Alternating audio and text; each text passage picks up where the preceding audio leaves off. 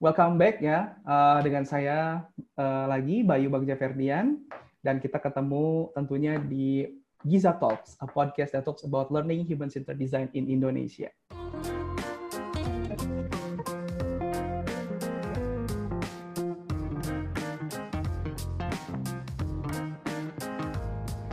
Oke, okay, uh, ya yeah, tadi soal memes. Mungkin yang sekarang nih sebenarnya uh, topik yang pengen kita bahas utamanya nih gitu. Katanya kan Nation Insight ini uh, dikenal baik oleh para uh, klien saya itu karena uh, ini ya kayak how to present the research ya atau mungkin sesuai dengan judul podcast ini the art of presenting your research ya kan. Jadi kalau mungkin uh, saya pribadi gitu sebelumnya hanya tahu kalau si research itu ya tadi uh, di dalam bentuk misalnya buku gitu kan, report sederhana yang isinya teks doang gitu. Nah, ternyata uh, katanya Nations bikinnya itu kayak bikin uh, komik, bikin uh, board game gitu kan, bikin video gitu. Nah, mungkin uh, share dong gitu, kok bisa sampai kayak gitu gitu ya si idenya gitu. Oke, Dari Olin kali ya. Oh, mau Olin dulu. Eh, terserah, terserah. Duluan, duluan nggak apa-apa, Silakan. Ntar gue tambahin gue mungkin ke dari sisi researcher dulunya dulu kali okay. ya nanti baru kayak Olin bisa ngomongin lebih detail gitu di prosesnya ah. ya. Oke okay, oke. Okay. Kalau ya kalau dari uh, dari sisi research gitu ya kenapa di Nation kita ngedorong banget buat bikin kita bilangnya creative output gitu. Creative output. Oh, iya karena uh, biasanya di Nation itu uh, output dari research kita adalah kita harus bisa menginspirasi ide-ide gitu menginspirasi hmm. ide buat brand, menginspirasi ide buat uh, komunikasi, menginspirasi ide buat desain, desain produk, hmm. uh, gitu. Uh, riset kita uh, bukan hanya uh, apa kalau kayak market research gitu kan, mereka biasanya banyak outputnya adalah uh, informing business decision gitu ya. Hmm, informing business decision, oke. Okay. Kalau kalau di kita tuh kita bilangnya selain informing, kita juga harus inspiring gitu. Oh gitu. Jadi uh, selain uh, hasil riset kita harus kayak uh, ngasih tahu pengambil kebijakan bisnis uh, apa yang harus dilakukan, apa yang jangan dilakukan, tapi kita juga harus menginspirasi desainer-desainernya mereka mm-hmm. uh, untuk melahirkan ide-ide yang kreatif, ide-ide yang breakthrough gitu. Mm. Jadi kalau misalnya uh, report kita teks aja, tulisan-tulisan aja, mm-hmm. executive summary satu paragraf itu mungkin cukup gitu ya buat kayak nge-inform uh, si CEO-nya klien kita, oke okay, bikin produk A gitu. Yeah. Tapi how to build product A itu uh, itu kita butuh lebih dari uh, tulisan, report gitu. Mm. Kita uh, output dari research kita bukan hanya memberi informasi baru, tapi harus juga menggerakkan gitu ya, kayak hmm, menggerakkan iya, iya. emosi, ya. emosi gitu. Iya, iya, iya, ada sisi emosionalnya. Dan apa yang kita yang terus sebenarnya kan uh, riset kualitatif gitu, ya, apalagi hmm. uh, outputnya uh, kalau di kita kan uh, to inform brand atau to inform product design gitu ya. Hmm. Riset yang kita lakukan kan kayak uh, kita bilangnya tekstur gitu ya. Jadi tekstur, kayak ya. kayak kayak akan tekstur gitu. Iya, yeah, tekstur, jadi tekstur. ya tekstur ini apa sih tekstur ini kayak anekdot-anekdot, quotes, gambar-gambar, skenario, hmm. video-video gitu. Iya, iya, yang iya, iya. yang kita dapat dari si usernya atau dari respondennya. Kalau kita, yeah, kalau si iya, iya. teksturnya ini cuman kita tulis dalam kalimat aja atau cuman diceplokin gambar di sampingnya, itu sayang hmm. banget gitu. Iya sih, benar sih. Iya, iya, iya, iya. Kalau cuma ya, jadi akhirnya sebenarnya bagus gitu ya si si finding saya itu keren banget gitu buat uh, research-nya yeah. ternyata begini. Tapi iya sih ketika ditulis dalam bentuk tulisan kayak gue baca case study orang tentang apa sebenarnya gue kayak oh ya nggak nggak muncul inspiring atau kayak oh gitu nggak ya karena oh ya udah hmm. temuan risetnya gitu udah selesai gitu. Padahal sebetulnya bisa jadi si temuan hmm. ini yang harusnya yang jadi bikin sparks. Oh iya ya karena itu makanya lahirlah produk A yeah. gitu kan. Benar-benar ya tekstur. Ya? Kalau ya? kalau ibaratnya masak gitu ya, mm-hmm. uh, si hasil riset ini kan ingredients buat desainer-desainer klien kita buat melahirkan yang anggapnya kayak kita ngasih ingredientsnya si mm-hmm. desainer desainernya klien kita itu kayak chefnya gitu ya. Mm-hmm. Uh, kalau kita ingredientsnya udah kita cuci, kita sajiin dengan cantik gitu, mereka mm-hmm. pun pasti kayak lebih inspired mau iya, bikin benar. apa gitu ya Kalau kita ngasih ingredients-nya ya cuman kayak dikeresakin aja gitu mungkin dia nggak terinspirasi buat bikin sesuatu yang bagus gitu. Iya iya kan kayak kalau misalnya kita lihatnya kayak cuma cuma misalnya saya lengkuas, uh, kunyit apa segala macem, meh gitu kan ya. Ya ya udah gitu itu bumbu gitu kan. Cuman yeah. kalau misalnya di package kayak ini loh secret ingredients kan begini ini kayak tiba-tiba itu value-nya jadi naik gitu kan ya. Sangat-sangat iya. Uh, benar tadi menginspirasi sih gitu. Iya. Keren.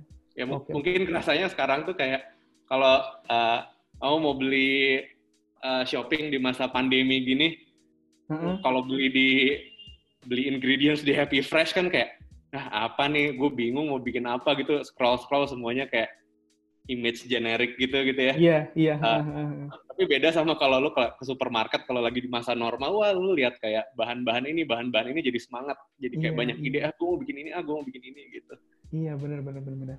Atau ke pasar okay. gitu yang warna di mana-mana gitu. Oh, lebih ke stimulate ya, Tra?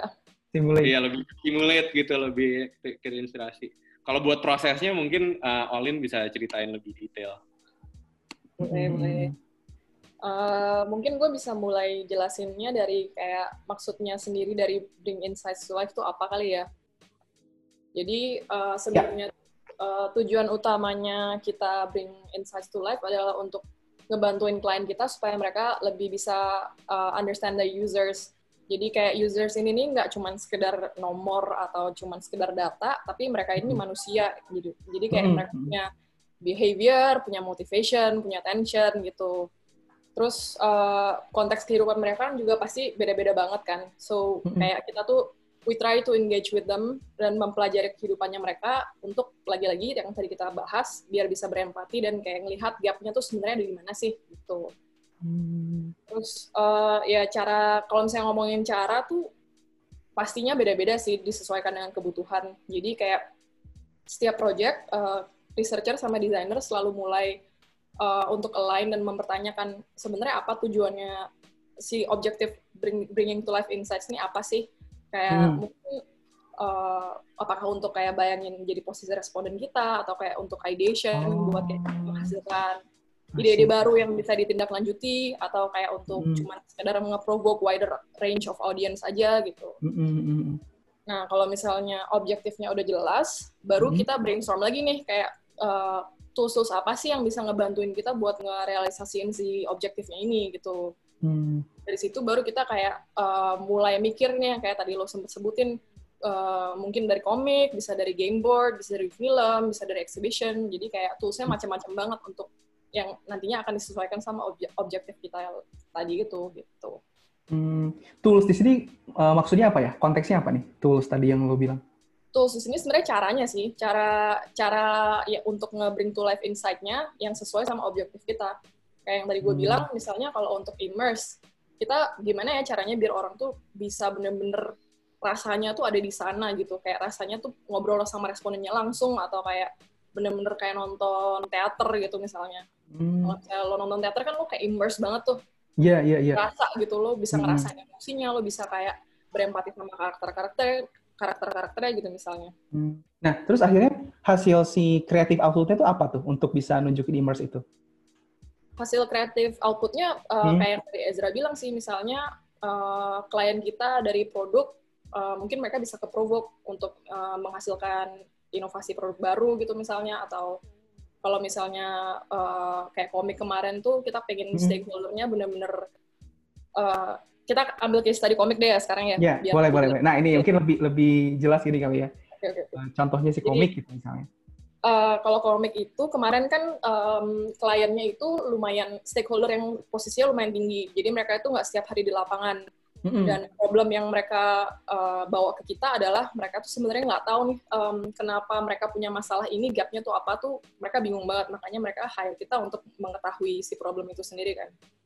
Jadi um, kita itu kemarin sempat berpikir gimana ya caranya mereka biar bisa menyimak keadaan dari segala sisi. Jadi nggak cuma dari responden yang kita interview, tapi dari kayak internal timnya mereka sendiri, cara ngegabungin semua ini gimana sih? Akhirnya hmm. kita kepikiran kekompleksan masalahnya ini nih, kita mikir kayak, oh kayaknya bisa deh di portray lewat karakter-karakter komik. Hmm. Mungkin lo kayak mikir, kenapa nggak bikin film aja? Kayaknya film lebih gampang biar orang ngerti gitu nggak sih? Cuman yeah. ya sebenarnya itu betul sih kalau misalnya film tuh lebih straightforward, lebih lebih rasanya lebih real gitu kan, hmm. tanda kutip real. Cuman um, kayaknya menurut kita kalau misalnya kita lewat komik tuh uh, rasanya tuh lebih heartwarming. Oh. Entah kenapa. Jadi kayak seakan-akan lo lagi baca komik slice of life, mm -hmm. uh, ceritanya singkat, terus kayak ada sedikit dramatis tapi kayak kita bisa kasih sedikit komedi juga di situ gitu. I see, I see. Jadi emosi yang di capture tuh banyak. Mm-hmm. Uh, terus fokusnya kayak kemarin kita ke karakter-karakter yang kita interview itu kita bikin karakter lagi ulang, uh, bikin environment yang mereka ulang, terus kayak insight-insight yang kita punya itu kita jahit di narasi uh, cerita komiknya itu sendiri hmm. gitu. Buat klien apa sih kalau boleh tahu nih si komik ini? ya range yeah. ininya aja misalnya uh, food atau service gitu? Mereka ngejual alat berat. Oh, I see, I see. Terus stakeholdernya mau baca komik itu gimana ya? Apakah misalnya kayak mereka expect, apakah dari awal memang udah diarahin bahwa ini hasilnya akan uh, sesuatu yang kreatif gitu? Atau mereka nggak di brief terus tahu-tahu baca komik terus mereka mau baca gitu? Uh, kita selalu komunikasiin sih kayak kita mau bikin apa dan kayak apa yang kita bikin selalu udah di sama mereka Cuman um, kemarin itu emang challenge-nya persis yang kayak lo pikirin. Um, senior gue bilang kayak, mau gak ini orang-orang udah senior, udah kayak rada tua-tua gitu, baca komik gitu. Iya. Yeah. Tapi uh, memang outputnya komik, cuman kemarin kita nggak presentasiannya lewat kayak komiknya di print sebagai kayak poster-poster besar gitu, supaya mereka bisa gampang baca. Jadi kayak setengah komik setengah exhibition gitu. Oh. Cuman ujung-ujungnya tetap kita kasih mereka komik buku komik yang full ceritanya gitu. Hmm. Yang kita display kemarin itu yang kita pilih insight-insight yang mana yang paling krusial yang untuk uh, bisa hmm. nyelesain masalahnya mereka. Iya, tapi jadi jadi jadi mudah. Iya sih begitu jadi komik kan ada visualnya jadi dia dapat emosinya ya, teksturnya dapat gitu. Dan langsung di iya bener sih langsung gampang dicerna sih. Wah, keren sih. Itu bikinnya berapa lama sih? waktu itu bikinnya dua bulan kalau nggak salah. Komiknya bikinnya dua bulan? Iya, komiknya bikinnya dua bulan. Wah, keren, keren. Lama ya. Itu ya, Lin ya, apa namanya, si, ini bukan project gue, tapi setahu gue sih insight-insight pentingnya tuh dijadiin konflik-konflik cerita di dalam story-nya gitu oh. ya, Lin ya. Iya. Nah, iya, iya. Dan iya, itu iya. insights yang ada opportunity desainnya gitu ya. Hmm. Jadi rasanya nggak kayak baca deck, tapi sebenarnya informatif banget tuh isinya banyak hmm. yang mau disampaikan insight-insightnya itu semua ada jelas di cerita komiknya sama kayak karakter-karakter komiknya itu gitu. Iya iya iya iya iya. Ya cuman eh, selain dari emang kayak wah crafting craftsmanshipnya ya crafting si komiknya itu kan let's say berarti kan kasarnya ada berapa step ya bikin uh, reportnya dulu kan yang basic terus kemudian ditranslate ke ke apa namanya ke bentuk komik atau bentuk kreatif kan. Terus udah itu kan kayak gue yakin pas bikin si sequence-sequence komiknya kan pasti ada semacam ceritanya gimana sih ini kita harus uh, berapa panel segala macam kan yang uh, biar nggak kepanjangan atau terlalu pendek kan karena kan harus naikin emosi ya. Mm -mm. Gitu, salut salut salut. Thank Keren. Oke, okay. tapi ya tetap sih kayak gue masih penasaran kayak gimana caranya uh, business person lo atau account manager atau ini ya yang yang ngobrol ke kliennya itu meyakinkan bahwa ya ini komik ini emang worth it untuk di sebagai hasil riset gitu kan itu yang ya mungkin karena buat yang setahu gue mungkin kayak orang-orang yang sudah senior kan kayak mereka I don't have time uh, aku biasanya baca uh, baca format riset gini kok ini tiba-tiba gambar imut-imut gitu ya mm-hmm. mungkin ya berarti itu gue penasaran sih tapi keep that as misteri aja lah biar, biar pendengar juga biar penasaran kayak gimana ya dan mereka coba-coba gitu ya bikin hasil riset uh, ke stakeholder, Pak ini Pak komik. Boleh, boleh, boleh. Challenge baru. Benar. Nah, uh, terus misalnya buat ini nih, buat yang board game gitu, boleh diceritain nggak kayak uh, behind the scene-nya gitu? Kenapa kalian jadi perlu bikin board game gitu? Boleh, boleh. Si project board game ini sebenarnya gue sama Ezra juga sih tektokannya waktu itu. Hmm. Jatuhnya kayaknya sebenarnya sama Ezra kayak komik. Tujuannya untuk immerse, ya kan? Jadi kayak uh, kita yang kita pengen achieve itu adalah gimana caranya stakeholder stakeholder ini benar-benar berpikir seakan-akan mereka tuh respondennya gitu. Jadi kayak hmm. kayaknya memang uh, harus uh, we we gotta let them be the character making choices kayak seakan-akan oh. mereka hidup jadi respondennya. Kalau misalnya dibedain sama komik, um, yang ini nih masalahnya lebih kompleks, lebih besar. Jadi kita ngerasa kayaknya kalau misalnya cuma menyimak doang, ngebaca doang secara pasif tuh nggak cukup. Jadi kita mikir, oh oke, okay, kayaknya ini emang butuh simulasi deh. Butuh mereka yang um, nentuin decision-decisionnya untuk ngebuka insight-insightnya hmm. gitu. Jadi uh, ya waktu itu konteksnya juga kayaknya nggak cuma kehidupan, uh, menyangkut kayak financial management, jadi lumayan make sense sih kayak um, gimana caranya semua insight-nya itu kita tuang um, in a fun way, jadi jadinya game board gitu. Oh, I see. Gue udah menduga sih itu kayaknya berhubungan dengan yang ekonomik atau financial sih, karena yeah. ya kan kayak banyak if condition ya, misalnya oke okay, sekarang lu punya, lu single gini-gini-gini, mungkin ya, kan gue nggak pernah tahu kan gitu. Single gini-gini, kondisinya gini, terus terus kayak gimana mainnya. Tiba-tiba kondisi if-nya berubah jadi, lu sekarang udah punya anak gitu kan, atau ada yeah. kondisi, tiba-tiba lu nggak bisa kerja, wah gitu, iya sih Mm-mm, inspirasinya sebenarnya emang dari Monopoly sama Game of Life gitu sih, tapi hmm. emang isi-isi kartunya, isi-isi challenge-nya sama storyline-nya semuanya kita kurasiin sesuai dengan project yang kita waktu itu kerjain. Hmm, I see, I see. Terus itu ya maksudnya berapa sih kayak berapa lama tuh bikin concepting games-nya terus kayak ngetes si gameplay-nya gitu. Waktu itu sebenarnya kalau misalnya masalah timeline kita emang lumayan ngebut sih ngerjainnya. Ngebut kalau ya? itu bahkan lebih cepat daripada komik. Cuman hmm. karena emang uh, yang di insight yang dikasih sama si Eza sama satu teman kita lagi researcher emang udah lumayan jelas. Jadi untuk nge-translate itu ke sesuatu yang kreatif lebih gampang. Kalau bedanya hmm. proses sama yang komik, waktu itu kita benar-benar bikin dari scratch um, storyline dan segala macamnya. Cuman ya maksudnya kalau misalnya dihitung-hitung game board satu bulan cepet emang cepet sih jadi kita kayak nge-prototypingnya cuman kayak sekedar pakai sticky notes terus kita mainin sama anak-anak kantor oh iya, iya ini hmm. works ini works terus habis itu kita ke, yeah, ke iya, kantor yeah. klien terus coba kayak tes prototipe sama klien dan emang mm. mereka setuju mm. baru besok kita bikin eksekusinya yang bener gitu oh oke okay. terus how do they feel ya the, the ada apa si stakeholder yang emang decision maker saya itu setelah nyobain si gamesnya gitu gimana ya Zra waktu itu pas Kayaknya happy gitu ya. aja ya. Oke, uh, mungkin yang perlu dijelasin si board game, si komik yang tadi itu dia konteksnya untuk dipakai di workshop desainnya, Lin ya. Hmm. Ya. Jadi uh, biasanya kita kalau workshop tuh awalnya kita sharing insight, habis itu kita ideation kan. Iya, iya, ideation. Nah, nah, si board game, terus si komik ini, ini buat pengganti presentasi sebelum ideation gitu. Oh, wah jadi lebih, iya sih lebih seru ya. Iya, dan waktu yang board game itu sih, ya langsung jadi kayak banyak ide kan, langsung kayak ya, ya, ya, uh, ya. panas gitu. Bener, bener, bener, bener, bener, bener. Nah. kayak oh, ya, menginspirasi juga kan? gitu ya. Iya. Dan karena emang si board game ini juga tujuan utamanya kita ingin mematahkan asumsi-asumsi uh, klien tentang gimana cara orang uh, mengelola uangnya sehari-hari gitu. Oh. Kan uh, tadi lo sempat bilang kalau single, kalau udah punya anak, pasti mindset lo bener-bener beda kan cara lo yeah. melihat uang gitu ya. Iya, yeah, benar. Baru dua gitu, belum ada variabel lain gitu. Iya, Tingkat yeah. uh, sosioekonomi lo, familiaritas lo sama bank apa enggak gitu-gitu. Oh, benar, benar. Uh, dan apa namanya?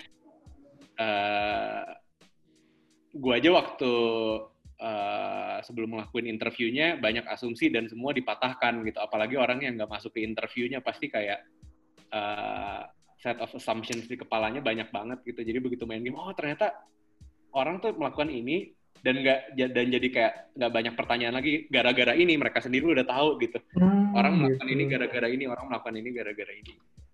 Gokil sih emang sih, keren sih eksekusinya. Iya, pantesan emang uh, ini ini emang kayaknya nggak tahu sih saya saya baru tahu bahwa Nation Nation sih yang bikin uh, creative output seperti ini ya gitu. Setahu, setahu saya nih gitu. Oke, kalau misalnya dokumenter film sendiri tuh itu uh, gimana tuh? Uh, mungkin kayak pengen tahunya kayak ini bu buat klien yang seperti atau problem seperti apa gitu yang akhirnya orang uh, si stakeholdernya merasa emang bukan merasa sih ya akan terpatahkan asumsi tadi atau menjadi dapat emosional itu karena bentuknya film gitu. Why film? Uh, kalau misalnya dokumenter film itu sebenarnya uh, balik lagi kali ya artinya si dokumenter sendiri itu kan untuk ngedokumen reality kan. Mm-hmm. Gunanya observational sama educational. Jadi yeah. waktu itu situasinya adalah uh, kita mesti sorry kita mesti ngegabungin data banyak banget. Jadi dari dari data quantitative research sama qualitative, qualitative research tuh kita mesti ngegabungin di satu output di mana tuh banyak banget numbers. Terus hmm. kayak belum lagi kita mesti nge-highlight living konteksnya mereka, kayak benar-benar kegiatan mereka dari bangun pagi sampai malam mau tidur tuh kayak semuanya harus didokumentasiin.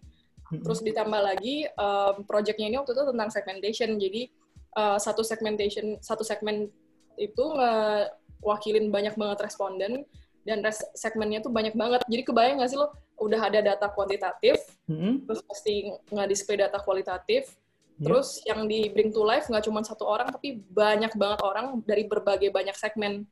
Mm. Kayak uh, lumayan overwhelming karena emang datanya semua penting dan kita harus bring to life. Akhirnya mm. um, oh ya dan satu lagi kliennya tuh spesifik bilang pokoknya gue mau output yang bisa di share gak mau di share ke tim-tim lain supaya mereka bisa bisa ngelihat hasilnya. Karena ini waktu itu untuk foundational research.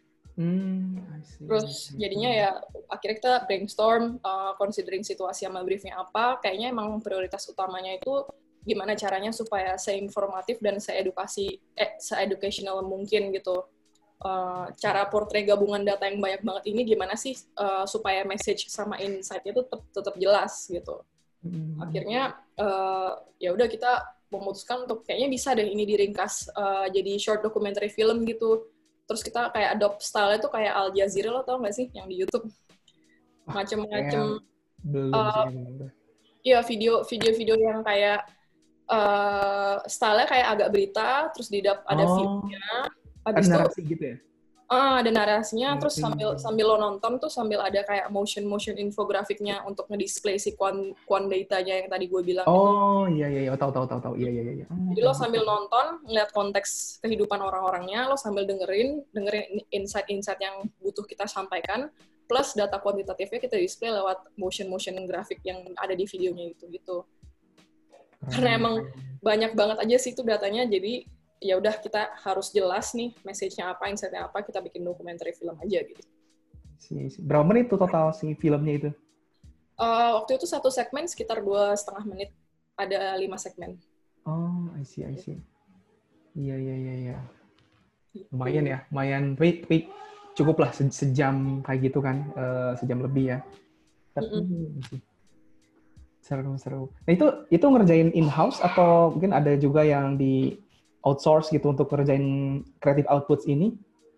Waktu itu kita nggak outsource, cuman uh, orang yang untuk ngerekam, ngikutin si respondennya dari malam sampai pagi, eh dari pagi sampai malam sih. Hmm. Karena ya, banyak lagi balik lagi banyak banget orang yang kita interview, jadi bagi tugas gue ngerekam yang responden mana, dia ngerekam responden mana, terus kita ikutin ya seperti kayak cara technical ngerekam dokumentasi emang kita harus ada di rumahnya dan kayak bener-bener ngerekam satu-satu kegiatannya mereka apa gitu kan. Hmm. Ya waktu itu kita nggak outsource videographer, tapi semua konten, semua arahan tuh dari Nation sih. Hmm, I see. Mantap, mantap. Oke, okay. terus mungkin kayak creative output apa nih yang paling paling aneh ya, paling mungkin yang paling paling uh, berat gitu pengerjaannya itu di, apa apa sih? Beratnya di dalam apa nih? Uh, kayak bik, bik, ya bikinnya lah gitu, misalnya kayak dari dari uh, sangat effort gitu untuk bisa mewujudkan si output ini gitu. Uh, eh, gue rasa kayaknya kalau bikin exhibition sih. Exhibition ya. Nah iya yeah. tuh. Karena why, why exhibition gitu? Uh, ya tadi untuk untuk untuk apa bikin orang apa nih immerse atau apa gitu si exhibition ini. Sebenarnya sih kalau uh, exhibition tuh jatuhnya di bakat yang berbeda sih. Jadi um, uh, awal-awal kan gue sempat bilang tuh kayak mungkin aja objektifnya untuk nge-provoke uh, audiens yang lebih besar gitu. Dan itu hmm. tuh biasanya kalau misalnya lo mau nge-provoke audiens yang lebih besar, uh, lo nggak butuh immediate feedback. Jadi lo kayak ya udah tergantung audiens lo mau mikir apa, yang penting gue nge-display kayak gini gitu kan. Hmm. Beda sama kayak ideation kalau lo misalnya bikin workshop, lo yeah. butuh immediate feedback untuk yes. ngelakuin supaya ada action plan-nya. Jadi kayak problemnya hmm. ini kita mesti ngapain, abis itu plan-nya ini gitu kan. Kalau yeah, yeah, kalau misalnya lo bedain sama exhibition kan emang uh, pasif uh, sifatnya kan. Hmm, hmm, hmm. Cuman untuk kayak uh, ngasih informasi atau ngasih inspirasi atau mungkin uh, kalau misalnya exhibitionnya bagus banget bisa nge-provoke uh, cara mereka pikir cara mereka berpikir gitu kan audiensnya. Hmm. Cuman ya kalau misalnya dilihat dari uh, load-nya sih paling susah hanya exhibition sih karena emang exhibition kan nggak cuman ngedesain visual nggak cuman kayak ibaratnya ngedit video di rumah pakai satu laptop tapi ini lo mesti ngedesain ruangannya lo mesti kayak iya. tahu kayak apa benar, terus benar, benar. Uh, lo mesti mikirin orang nih ngelihat si karyanya ini ini mesti kayak gimana jadi mm-hmm. banyak banget eksternal elemen yang dipikirin uh, kalau misalnya dibandingin sama output lainnya sih hmm, oke okay. terus saya respons atau misalnya apa ya kayak hasil yang ingin diharapkan setelah uh, orang-orang atau audiensnya uh, merasakan exhibition itu terus jadi mereka jadi kayak gimana sih setelah itu gitu? Nah biasanya tuh kita uh, penas kita kan juga penasaran nih kayak apa sih yang ada di otaknya mereka habis ah. exhibition kita gitu kan? Iya iya. Jadi biasanya kita ada bikin satu satu section di mana uh, orang tuh bisa nulis perasaan mereka terus mereka tempel pakai sticky notes gitu. Jadi hmm. kita pengen ngedisplay perasaan orang-orang as part of the exhibition ya biasanya sih kayak uh, jatuhnya flow-nya di paling terakhir, terus judulnya biasanya kita kayak kasih key take outs, jadi kayak apa sih yang lo pelajarin dari exhibition ini, terus emang orang-orang uh, relatif mau partisipasi sih, jadi mereka tulis misalnya kayak, oh gue baru tahu ternyata orang ini, insight-nya ini, segmen ini tuh kayak gini, terus mereka tempel.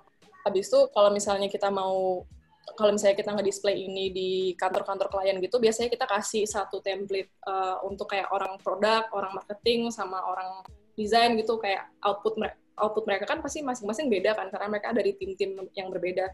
Jadi hmm. kita biasanya kasih template gitu buat per uh, apa namanya per industri gitu. Jadi oh. mereka bisa bisa nge-reflect apa yang mereka pelajarin, terus nanti itu bisa mereka bawa gitu sebagai kayak key take outs yang mereka gitu. I see, I see. Nah, kalau bisa habis exhibition itu kayak datanya ntar diolah lagi nggak sih sama Nation atau ya, itu udah beres gitu? Biasanya udah beres sih sampai situ. Hmm. Sisanya uh, tergantung kliennya mau bikin apa gitu.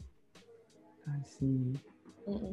Keren keren aja. Gue aja sih ini Wah, amazed nih sama ini. Effortnya misalnya bikin buat bikin si apa ya exhibition ini kan ya tadi itu kan kayak kalau gue refer ke uh, kerjaan teman-teman seni waktu di kampus kan kayak mereka emang doyan bikin uh, pameran kan ya gitu kan itunya aja kan sampai ber, uh, berhari-hari berminggu-minggu gitu kan belum misalnya mereka ngomongin konsep mungkin uh, di malam-malam berapa malam sebelumnya gitu kan sampai yeah. akhirnya itu jadi gitu kan ini tapi ini uh, dipakai untuk sifatnya ya hasil riset gitu kan ya ya yeah.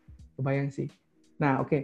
Cuman penasaran nih kayak apakah uh, ini kan yang dikerjakan oleh Nation as konsultan gitu ya kayak perusahaan di luar uh, perusahaan kliennya gitu kan. Jadi mungkin punya waktu yang cukup untuk uh, uh, untuk develop uh, research dan juga hasilnya gitu.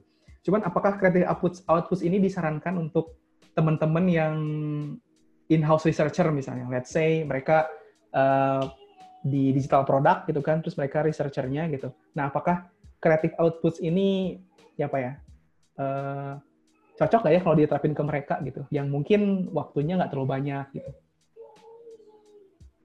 Sebenarnya hmm. kalau kalau dari gue sih gue encourage untuk coba aja sih. Karena hmm. uh, emang kayaknya untuk masalah ini butuh trial and error dan kayak terus-terusan bikin prototype baru aja terus kayak perfect as you go gitu loh. Hmm. Nge-perfectin as you go. Kayak emang ini proses yang harus dicoba aja sih. Iya, iya, I see, I see. Dari Ezra gimana? Nah, ada tambahan? Kalau dari gue sih, si kreatif Output ini kan sebenarnya dia kayak tools buat nge-influence ya. Mm-hmm. Uh, dan dia sebenarnya juga uh, butuh resource yang besar gitu, effort, terutama main hour lah buat ngerjain gitu. Mm-hmm. Uh, menurut gue sih itu kalau kalian kerja di klien, di client side, mungkin bisa mm-hmm. lihat gitu ya, effort yang buat dimasukin justifiable nggak sama influence yang kalian harapkan gitu. Hmm. Uh, kalau cuman buat kayak nice to have aja, mungkin kayak uh, berat gitu. Tapi kalau kalian harus nge-influence uh, sebuah tim, nge-influence uh, bos kalian, nge-influence stakeholder internal gitu, sangat-sangat disarankan karena menurut pengalaman kita si creative output ini benar-benar bisa menggerakkan gitu. Dia hmm. bisa menginspirasi dan menggerakkan gitu. I see, I see. Iya, yeah, iya. Yeah. inspiring ya. Oke. Okay. Oke. Okay. Jadi mungkin kalau hmm. intinya dari gue sih nggak semua research harus dijadiin creative output gitu ya, tergantung hmm. si uh, apa ya? Yeah. Ya tergantung apa yang kalian harapkan dari research itu gitu. Betul betul betul. Jadi ya mulai lihat lihat konteks dan kondisi juga gitu. Ya. Kalau memang waktunya cepat, mungkin uh, kira-kira uh, being kreatif kayaknya tadi sebaiknya harus gitu ya, karena kan uh, untuk yeah. bisa menampilkan data kualitatif itu perlu tekstur tadi ya, perlu untuk bisa yeah. uh, apa yang menghidupkan uh, emosi gitu kan, provoking emotion uh, dari si uh, stakeholder atau uh, orang yang harus diinfluence-nya gitu kan ya. I see, I see. Tapi kalau misalnya ternyata emang waktunya agak panjang, mungkin ya tadi ya, di kreatif yeah. dan buat bisa lebih optimal. Iya, okay. atau mungkin si research ini kalau besar dan sangat penting, nah itu sangat disarankan gitu kan kalian hmm. kalau researchnya sangat penting buat kalian misalnya apakah ini buat bikin sebuah produk dengan investasi yang sangat besar ya baiknya dibuat creative output karena kalian pengen decision yang lahir dari research itu nggak main-main gitu. I see, I see, I see. Wah, oke. Okay. Oke, okay, nah itu tadi tuh uh, design and researchers ya, maksudnya uh, obrolan kita gitu ya. Dan being buat jadi researcher itu juga si outputnya bisa kalian bikin jadi masterpiece ya kalau mau kan. Karena ini kalau nggak salah ada ada obrolan dengan teman-teman researcher yang lain kayak ya kalau uh, desainer mungkin si yang bikin kayak wow efeknya itu uh, artefak yang dia bikin adalah kayak desainnya kan. Misalnya di konteksnya UX design ini tampilan visual dari mobile apps-nya kah uh, mock up-nya istilahnya ya mock up-nya gitu prototype-nya gitu nah terus ada juga kayak obrolan kayak eh, kalau researcher ya apa ya kita bikin report gitu Cuman ya berarti setelah uh, dengerin dari Nation ini, uh, teman-teman jadi punya inspirasi nih gitu ya, kayak jalan untuk bisa nunjukin uh, showcasing karya teman-teman itu dalam bentuk yang kreatif gitu. Jadi si hasil risetnya nggak cuman uh, textbook doang, tapi dibikin jadi yang lebih provoking emotion ya. Bisa mungkin uh, kali komik ya, uh, pakai pakai memes, paling simpel mungkin pakai memes ya, pakai memes gitu untuk komunikasiin gitu. Dan kalau masih ada waktu ya kalian bisa bikin cobain uh, mungkin ya board game ya gamification gitu. Dan atau juga tadi ya dokumenter uh, film dokumenter. Gitu. Wah dan ini udah kerasan ya udah satu jam kita ngobrol. Seru banget nih uh, iya nggak berasa ya. Nation Insights gitu. Oke sebelum kita tutup nih mungkin uh, uh, kasih ini dong kayak uh, pesan gitu ya atau misalnya advice buat para researcher nih supaya uh, apa ya bisa menampilkan hasil risetnya lebih baik gitu. Kira-kira apa nih? Dari Olin dulu nih Olin Olin. Menghasilkan hasil research yang lebih baik. Ya displaying atau misalnya presenting hasil research yang ya tadi itu bisa dengan uh, lebih nyaman mungkin atau lebih lebih keren lah gitu ya di, dilihatnya sama stakeholder gitu. Iya. Kalau misalnya balik lagi nih kayak tadi Ezra bilang uh, seberapa crucial uh, dia pengen si insight sama data mereka seberapa impact seberapa besar impact yang mereka inginkan kan jatuh jatuhnya balik lagi kayak effort yang lokasi juga mesti gede kan. Cuman mm-hmm. kalau misalnya dari pengalaman gue sendiri kerja di research agency, kadang-kadang memang nggak ada waktu untuk bikin apa pun dan emang mungkin sesimpel kliennya nggak mau aja ngeluarin budget untuk kreatif output gitu misalnya. Mm -hmm. Saran yang bisa gue kasih sih mungkin kayak bener-bener nge-present data lo di deck yang sangat-sangat bagus in terms of flow, design, sama konten sih. Kayak uh, mungkin nge-beautifying deck tuh kesannya sesuatu yang kurang penting dibanding kayak komik atau game board, tapi uh, impact-nya juga lumayan besar untuk uh, considering kayak lo nggak punya waktu atau lo buru-buru gitu ya. Hmm, Menurut gue uh, ngedesain ngedesain deck secara bagus dan kayak uh, mikirin flow-nya, mikirin desainnya, mikirin font-nya, mikirin layout dan komposisi itu berguna banget sih. Oke hmm, oke. Okay, okay. Kan mikirin kayak berapa baris teks per kalimat gitu ya? Hah? Oh gitu ya? Sampai gitu yeah. juga gitu? Sampai segitunya ya. Misalnya kayak lo baca deck yang super wordy, super banyak paragrafnya panjang-panjang kan kayaknya nggak engaging dan orang bakal cepet uh, lose interest kan. Yes, Jadi kayak yes, mesti mikirin yeah. gimana sih visual yang seperti ini dikasih teks yang sedikit ini uh, terus cara presentasinya kayak gimana kan itu semua ngaruh. Iya iya iya iya iya. I see I see. jadi kebayang kayak Instagram karusel yang lagi ngetren sekarang ya. Yeah. Uh, kalau kalau di di di feed gua itu rata-rata banyak yang kayak uh, nge-share nge-share soal UI apa tips-tips soal desain gitu kan, tapi dengan format di slide Instagram gitu dan itu ya benar tadi yang lo bilang gitu kan kayak teksnya segede apa, jumlah baris atau jumlah kalimat yang di-share seperti apa gitu. Dan itu emang ya likes engagementnya banyak sih, likes-nya sangat-sangat mm -mm. banyak gitu. Tuh. Mantap, mantap. Oke. Okay. Oke, okay. sip. Thank you, Olin. Kalau dari Ezra, gimana, Ezra? Uh, kalau dari gue, uh, mungkin saran yang sesuai tema kan ya? Ngomongin kan ya? Yes, yes. Kalau gue sih buat desainer, uh, dan ini Olin juga pasti mengamini nih, ambil foto yang banyak, ambil video yang banyak, uh, apa namanya, di notes lu highlight quote-quote yang sangat emosional gitu, karena itu akan oh. jadi bahan utama bikin creative output gitu. Oh gitu, I see, I see. Foto yang lo ambil, video yang lo ambil mungkin nggak plek-plekan dipakai gitu di creative outputnya, mungkin ada yang harus diri inek kayak gitu. Cuman hmm. uh, itu akan jadi bahan yang sangat uh, mendukung gitu buat nanti lo mempresentasikan ke stakeholder lo. Siap, siap, siap. Wah, gue juga akan perbaiki presentasi gue deh kalau gitu setelah-setelah ini. mantap, mantap. Nah, uh, oke, okay. terakhir kalau mau ngontak uh, atau pengen tahu lebih jauh nih, uh, Ezra ini biasanya kita bisa bisa kontak ke mana nih di internet? Uh, bisa kontak ke email. Email aja, oke. Okay. Boleh disebutin emailnya atau gimana?